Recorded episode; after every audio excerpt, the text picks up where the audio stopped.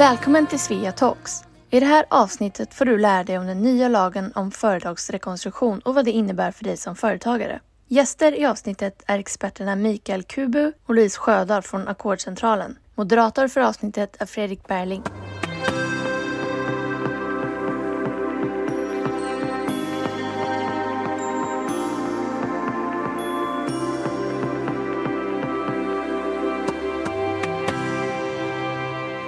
Hej och välkomna till ännu ett Svea Talks.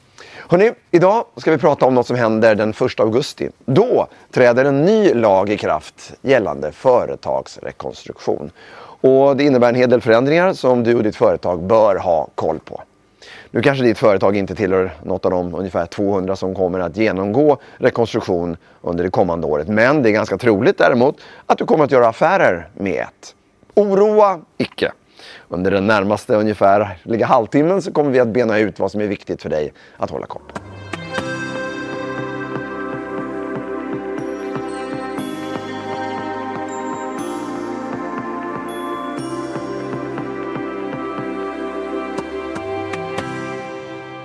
Som vanligt så har vi kompetenta, på området synnerligen kompetenta gäster. Vi har med oss Mikael Kubu och vi har med oss Louise Sjödahl. Tack. Välkommen Louise, du är ju från Ackordcentralen Ja, stämmer. och var till och med med i den här arbetsgruppen eller expertgruppen som arbetade inför, eh, ja, med, inför lagstiftningen helt enkelt. Berätt, Ja. Berätta. Tack. Det, jag var expert i det som kallas rekonstruktionsutredningen. Eh, och då sitter man eh, och tillför den praktiska sidan för min del. Eh, för att det ska bli en lagstiftning som, som fungerar för alla parter. Alla parter i det här fallet. Obeståndsrätten täcker så många olika så det är viktigt att det finns experter från olika områden som, som är med i processen. Mm, vilka, vilka var det mer än, än du då? Vi pratar Skatteverket. Ja, eh, Skatteverket och Kronofogden. Eh, vi har Svenskt Näringsliv. Såklart. Bankföreningen såklart. Ja, och Företagarföreningen. Ja, precis. Och lite från, också från universitet så vi får den teoretiska eh, insolvensögat på det. Är du nöjd? Jag är nöjd. Ja. Jag är nöjd. Det kan man inte säga annat. Nej, det är klart. Men ja, jag är är, det, är det något som du känner så här att ah, vi fick inte till det där? För många gånger när det är förhandlingar och förberedelser och lagar så det går liksom inte att få till allting. Är det något du känner att ah, men det där fick vi inte med? Jo, men det finns alltid eh, saker. Men generellt sett så tycker jag att man har lyckats få ett helhetsgrepp på det. Och en väsentlig förbättring mot nuvarande. Och det är lite syftet med det. Det ska täcka in fler företag, olika storlekar och man ska ha mer flexibla lösningar för att kunna rädda bolag. Och det övergripande, absolut. Sen kommer det finnas detaljfrågor som jag inte är jättenöjd med, men som jag kan leva med. Ja, Ja. Och sen har vi osäkerhetsfrågor, de som man alltid har i lagstiftningar. just det. Mm. Ja, det, här är ju, det här är ju en lag som ska leva nu. Eh, Är det ju tänkt. Den tidigare lagen är ju från 96 och innan dess så är det ju ännu längre tillbaka. Så att, Mm. Mikael Kubu, också från, eh, från Ackordcentralen. Och för, för den som inte vet vad Ackordcentralen är, berätta. Ackordcentralen är en mycket gammal organisation, stiftelseägd, har bedrivit sin verksamhet i 165 år. Så att vi har funnits med ett tag. Och vi arbetar med att hjälpa företag som har ekonomiska problem framför allt. Och det handlar ju om att välja rätt väg, eh, att undvika konkurs om det är möjligt och rekonstruera verksamheten eftersom det är oftast bättre eh, både för bolaget och dess borgenärer och anställda naturligtvis. Men ibland så går det inte och då är konkurs eh, vägen.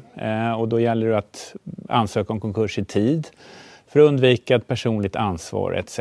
som styrelseledamot. Så att det är i huvudsak det vi jobbar med.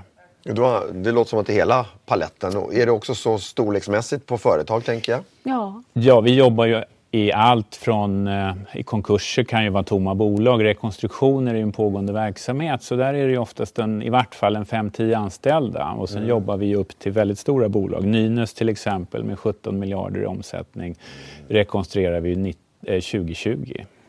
Blev det bra? Det blev jättebra Ja. så att eh, vi lyckades med rekonstruktionen och vi får asfalt på vägarna, och, eh, vilket de tillverkar. Och eh, de lever alltjämt och går bra. Man, man kan ju förstå liksom den individen eller på företagsnivå vinsten av det här. Men nu är du lite inne på samhällsnivå tänker jag också. Vad, vad är vinsten för samhället?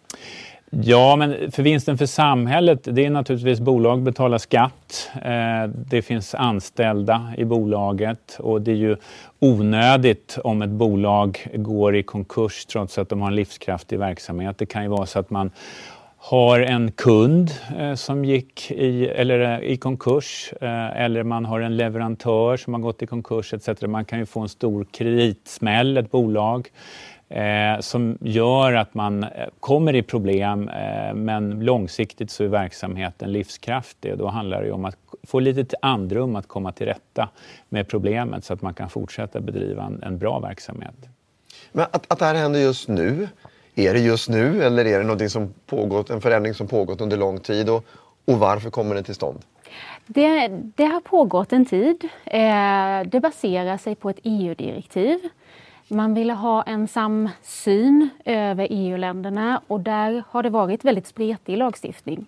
Väldigt olika. Och vi kan väl, när man har gått igenom, suttit i rekonstruktionsutredningen kan man konstatera att vi, den befintliga lagen är ganska bra. Mm. Vi hade klarat oss ganska bra med den och gjort några förändringar. Ja. Vissa regler måste vi införa, andra får vi välja. Men eh, vi gjorde ett omtag och kommer med en helt ny lag där det är eh, ta tag i problem som har funnits med den nuvarande lagstiftningen och försöka åtgärda dem eh, och också ge möjligheter till ett mer flexibelt system för den enskilda bolaget ska bli hållbart och få en livskraft tillbaka. Mm. Man kan ju säga att det händer ju inte så mycket i vår värld lagstiftningsmässigt. Den nuvarande rekonstruktionslagen kom ju 96 och vi hade ju, för de som är lite äldre och kommer ihåg fastighetskrisen eh, i början på 90-talet, då hade vi 22 000 konkurser per år. Idag kanske vi har en 6-7 000 konkurser. Eh, och idag har vi mycket fler bolag också, så det var enormt mycket konkurser då. Men då insåg man ju att man behövde en rekonstruktionslagstiftning. Man hade en ackordslag tidigare. Men då kom ju den här lagen, men den kom ju liksom när krisen var klar och över, mm. 96, eh, och allting började gå ganska bra igen. Nu ser vi ju faktiskt att den här lagen kommer på plats eh, nu. Vi har ju haft en pandemi, mm. men den här pandemin har faktiskt inte lett till eh, mycket konkurser och rekonstruktioner. Det har varit väldigt få konkurser och förhållandevis få rekonstruktion, rekonstruktioner också, mycket beroende på skatteanstånden. Men det är klart att nu ser vi, eh, nu trodde väl alla att nu skulle allt gå bra, mm. pandemin är över och så blir det krig i Ukraina och sen så blir det inflation, högre bränslepriser, ökade räntor, svårt att få delar. Så att det är klart många företag går väldigt bra men andra har det problematiskt. Mm. Så att det är ju bra att vi får den här lagen på plats nu, särskilt om vi har höjda räntor och inflation som vi ser framför oss. All right. Om man tittar då lite mer på, på fordringsägarna, mm. som säkert några av de här kan, kan hamna att bli. Vad, vad, vad är det för uppsida då, jämfört med, med en konkurs till exempel? Tanken är ju att det ska bli väsentligt mycket bättre än alternativet konkurs. Ett mm. värde i ett bolag som har en pågående verksamhet är ju mycket högre än, än att sälja i delar. Så att själva tanken är ju ett, att du ska få mycket mer tillbaka än alternativet konkurs. Men också att du har en, en, en eh, samarbetspartner som du förhoppningsvis kan fortsätta leverera till. Eh, och det innebär ju också att de här, den här, det du tappar kanske du kan hämta hem med marginaler om du har en långsiktig verksamhet tillsammans med det här bolaget framgent och det överlever. Just det. Prioriterade fordringar är också något sånt, ett begrepp som man mm hör. Och, ja, men staten går först eller Telia går först eller mm. företag går först och privatperson så har man ingenting att säga. Eller hur? Berätta! Ja, det finns ju en förmånsrättslag som styr ifall du är prioriterad eller inte. Eh, och prioriterad är man om man har säkerhet för sin fordran. Normalt sett bank som har företagsinteckningar. Okay. Eh, det finns också att du kan ha pant i aktier eller en tillgång. är du också prioriterad. Eh, det finns vissa som har en, en lagstadgad rätt revisorer, redovisningskonsulter. Eh, den typen och vissa mm. lönefordringar men inte alla. Det är ungefär vad som finns som prioriterat. Inte staten går in? Inte staten längre. Inte hyresvärden. Alla andra är normalt sett oprioriterade mm. och ska behandlas lika. Så vad, vad, innebär det nya för hyresvärdar och så tänker jag då? För hyresvärden så kommer det påverkas eh, lite mer än vad man gör i, idag. Mm. Eh, idag i en rekonstruktion så kan ett bolag välja att inte nyttja lokalen ytterligare och lämna lokalen från en dag till en annan. Eh, där kommer det bli en förändring att man måste meddela sig i lite högre utsträckning från rekonstruktionsbolagets sida. Eh, samtidigt så, så har ett rekonstruktionsbolag fram, i framtida rekonstruktionslagstiftning möjlighet att säga upp avtal i förtid. Vilket man normalt sett inte har. Man måste följa avtalet och uppsägningstiderna som är där i. Mm. Eh, så att, och i ett hyresavtal så har man ofta långa uppsägningstider. Eh, här får man ett, ett lagstadgat krav på tre månader bara i uppsägningstid. Så det blir en väsentlig skillnad för hyresvärden. Leasing? Detsamma, givet att det handlar om vad man kallar operationell leasing. Mm. Det är alltså du hyr, eh, det är ett nyttjande. Mm. Eh, men det finns olika typer av leasing eh, där en annan del kallas finansiell och då är det mer ett köp istället som ett, nästan som ett avbetalningsköp och där eh, omfattas det inte riktigt på samma vis. Men du kan fortfarande säga upp avtalet. Mm. Så lite förändringar där. Och det praktiska exemplet är ju, du har en butikskedja, du har kanske tio butiker går bra, tio butiker går jättedåligt. Och då måste det finnas en möjlighet att komma ur de här avtalen för de här tio butikerna som går väldigt dåligt. Så att du kan skära ner verksamheten, för annars är det omöjligt att fortsätta verksamheten. Mm. Samma sak med leasingegendom, att eh, om du skär ner verksamheten, du kanske leasar 100 enheter av maskiner. Du måste kunna ha möjlighet att lämna tillbaka en del maskiner. Och det kommer att, det har i och för sig delvis möjlighet till idag, men det kommer bli lite tydligare och lite enklare att hantera med den nya lagstiftningen. Och just det här att skära kostnader snabbt och effektivt är ju är väldigt viktigt i, i en sån här situation när ett bolag behöver snabba åtgärder. Mm. Och då erbjuder redan nuvarande lagstiftning verktyg för att kunna dra ner på kostnaderna effektivt. Där just att komma ur avtal och lämna tillbaka vissa men inte alla är ett utav dem. Mm. Så det är ett jätteviktigt verktyg för att kunna lyckas med en rekonstruktion. Det. låter, låter ju mer lovande. Det låter mm. ju som att det är lite enklare att hitta lösningar tänker jag. Vi, om, om, vi lämnar med leasing, vi lämnar äh, hyres, hyresvärdsbiten mm. och så och, och, ser mer generellt då. Vilka är de stora skillnaderna? De stora skillnaderna är att i, i lagen idag kan inte prioriterade eh, beröras. Mm. Eh, det får man lösa förhandlingsvägen. För själva finessen idag är att man gör ett ackord och det binder bara de oprioriterade. Mm. Eh, men man har ju ofta relationer med en prioriterad bank till exempel. Och eh, där kan man inte göra annat än att man förhandlar om situationen efter. Såvida de är, har säkerheter som är fullt värda.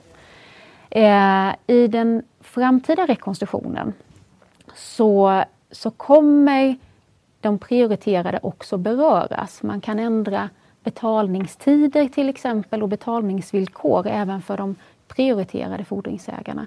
Och vi kommer ha en rekonstruktionsplan som ska fastställas som berör även prioriterade och det kan beröra efterställda och det kan beröra aktieägare.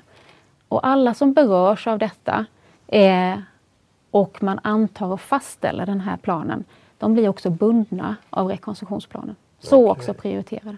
Det låter, det låter, som att det finns fler möjligheter att, att, att hitta lösningar, mm. men att det också blir mer upplåst och uppstyrt. Tolkar jag det rätt? ja, allt det här som Louise beskriver idag, det har man ju fått hantera avtalsvägen med nuvarande lagstiftning vid sidan av. Och det har ju byggt på att man är överens. Och då är det ju, det räcker med att en inte vill, eh, så faller allt som ett korthus. Fördelen är att dra in eh, den här gruppen i planen, det är att en majoritet, en kvalificerad majoritet kan rösta igenom det här så att det blir så. Eh, enligt nuvarande lagstiftning har allt byggt, bortsett från ackordet med de oprioriterade, har byggt på att man har kommit överens. Mm. Och det är ju en stor fördel. Mm. Hur, hur, ser det ut framöver då? Med konkurser och rekonstruktioner? Vad tror ni? Ja, alltså jag tror inte att det kommer bli en, en så stor ökning av rekonstruktioner. Idag har vi ju sett, man kommer alltså öka kravet på vem som får utses till rekonstruktör. Så att det kommer bli eh, ett tuffare regelverk där. Man ska vara det räcker inte med att man har konkursförvaltar eller bakgrund, akkreditering, utan man måste också ha erfarenhet av rörelsedrivande konkurser eller rekonstruktioner.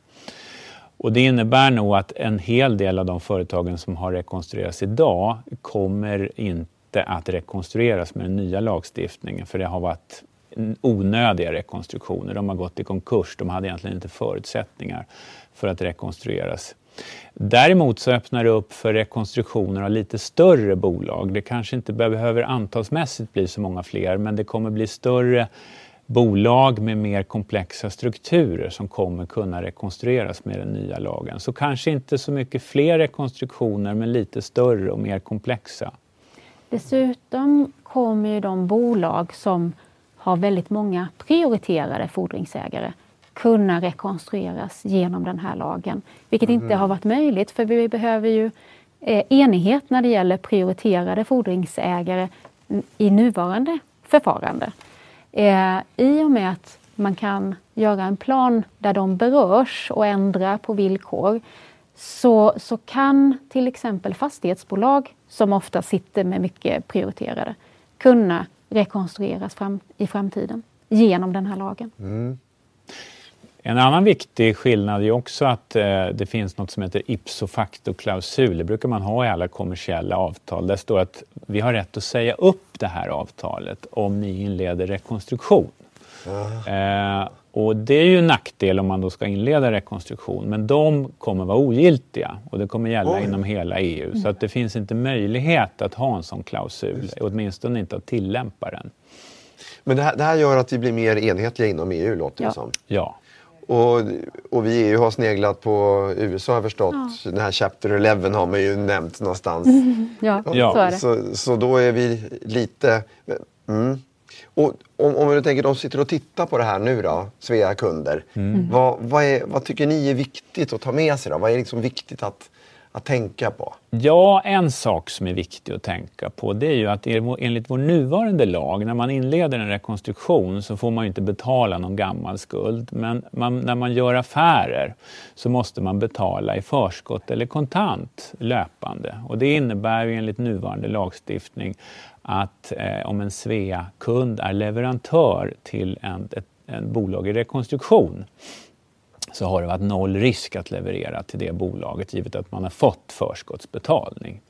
Enligt den, nuvarande, eller enligt den kommande lagen eh, så kommer då bolaget att i den löpande förvaltning, alltså motsvarande VDs behörighet, att kunna ådra bolagets eh, skuld, alltså sedvanlig eh, leverantörskrediter.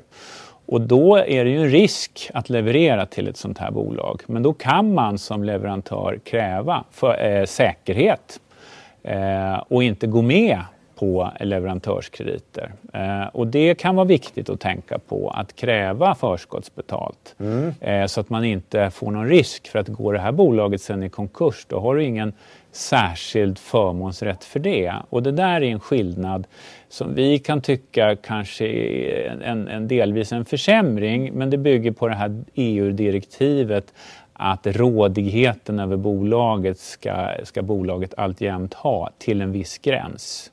Just det. Så det är väl det, det viktigaste att tänka på kanske om man ska leverera till ett mm. bolag som är i rekonstruktion enligt den nya lagen. Och det är ju någonting som följer, alltså det följer lagstiftningen att det är okej okay att begära förskottsbetalt och mm. att det är istället för säkerhet, för många kan ju inte ställa säkerhet, det är ju därför de är, är i rekonstruktion. Men, men förskottsbetalning ses så som en, en säkerhet och det är de i sin fulla rätt att begära. Mm. Sen kan man tycka att det är lite orättvist då att de som vet med sig det, Ja. till exempel Sveas kunder som lyssnar nu, eh, ja de begär förskott men de andra som inte känner till det här, eh, ja de tar ju en risk och levererar på kredit. Så tur för er att ni tittar på det här nu. Och jag, idag så är det ju, vi skrapar lite på ytan. Jag tycker ni har gett jättefina och insiktsfulla svar. Så jag har lärt mig väldigt mycket. Jag hoppas och tror att även ni har gjort det som, som tittar på det här. Eh, och är det så att ni har fler frågor så skicka mejl till Svea. De finns här att, eh, för att svara. Alternativt skicka vidare till den som vet ännu mer. Mejladressen står här nere. Eh, jag vet också att eh, att ni ibland eh, föreläser och håller kurser om det här. Då går man ju mycket mer på djupet egentligen. Är det, är det någonting så här lite avslutningsvis som, som, ni, som ni känner att, att för de som är ännu mer insatta än vad vi har varit idag, tänk på det här nu med nya lagen, att det här är lite mer djuplodande så där. Det här, ta med det här. Som blir lite överkurs nu inför, inför avrundningen.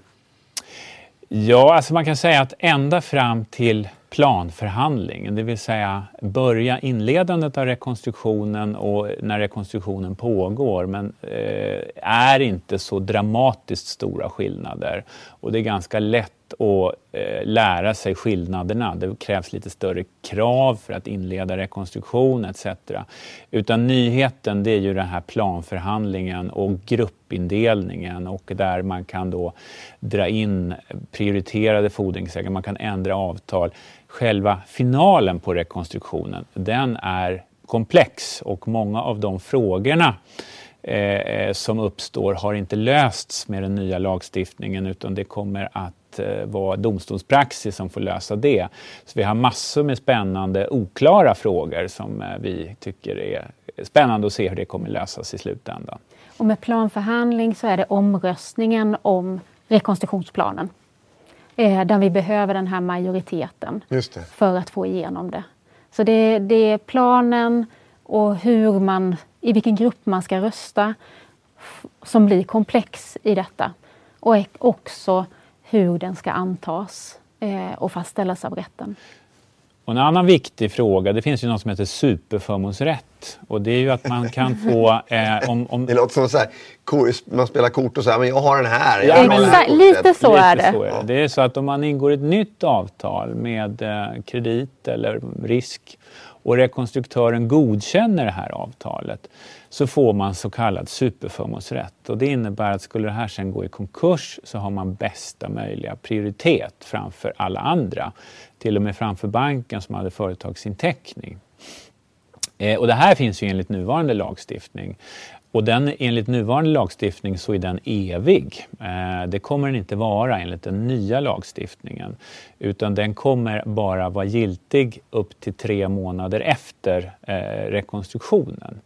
Eh, men det finns också en möjlighet att få en ny finansiering med superförmånsrätt som, och ta in den i planen där man finansierar upp ett bolag. Så det är också ett verktyg som finns. Så att det finns mängder med spännande frågor i det här lagförslaget och fördjupa sig.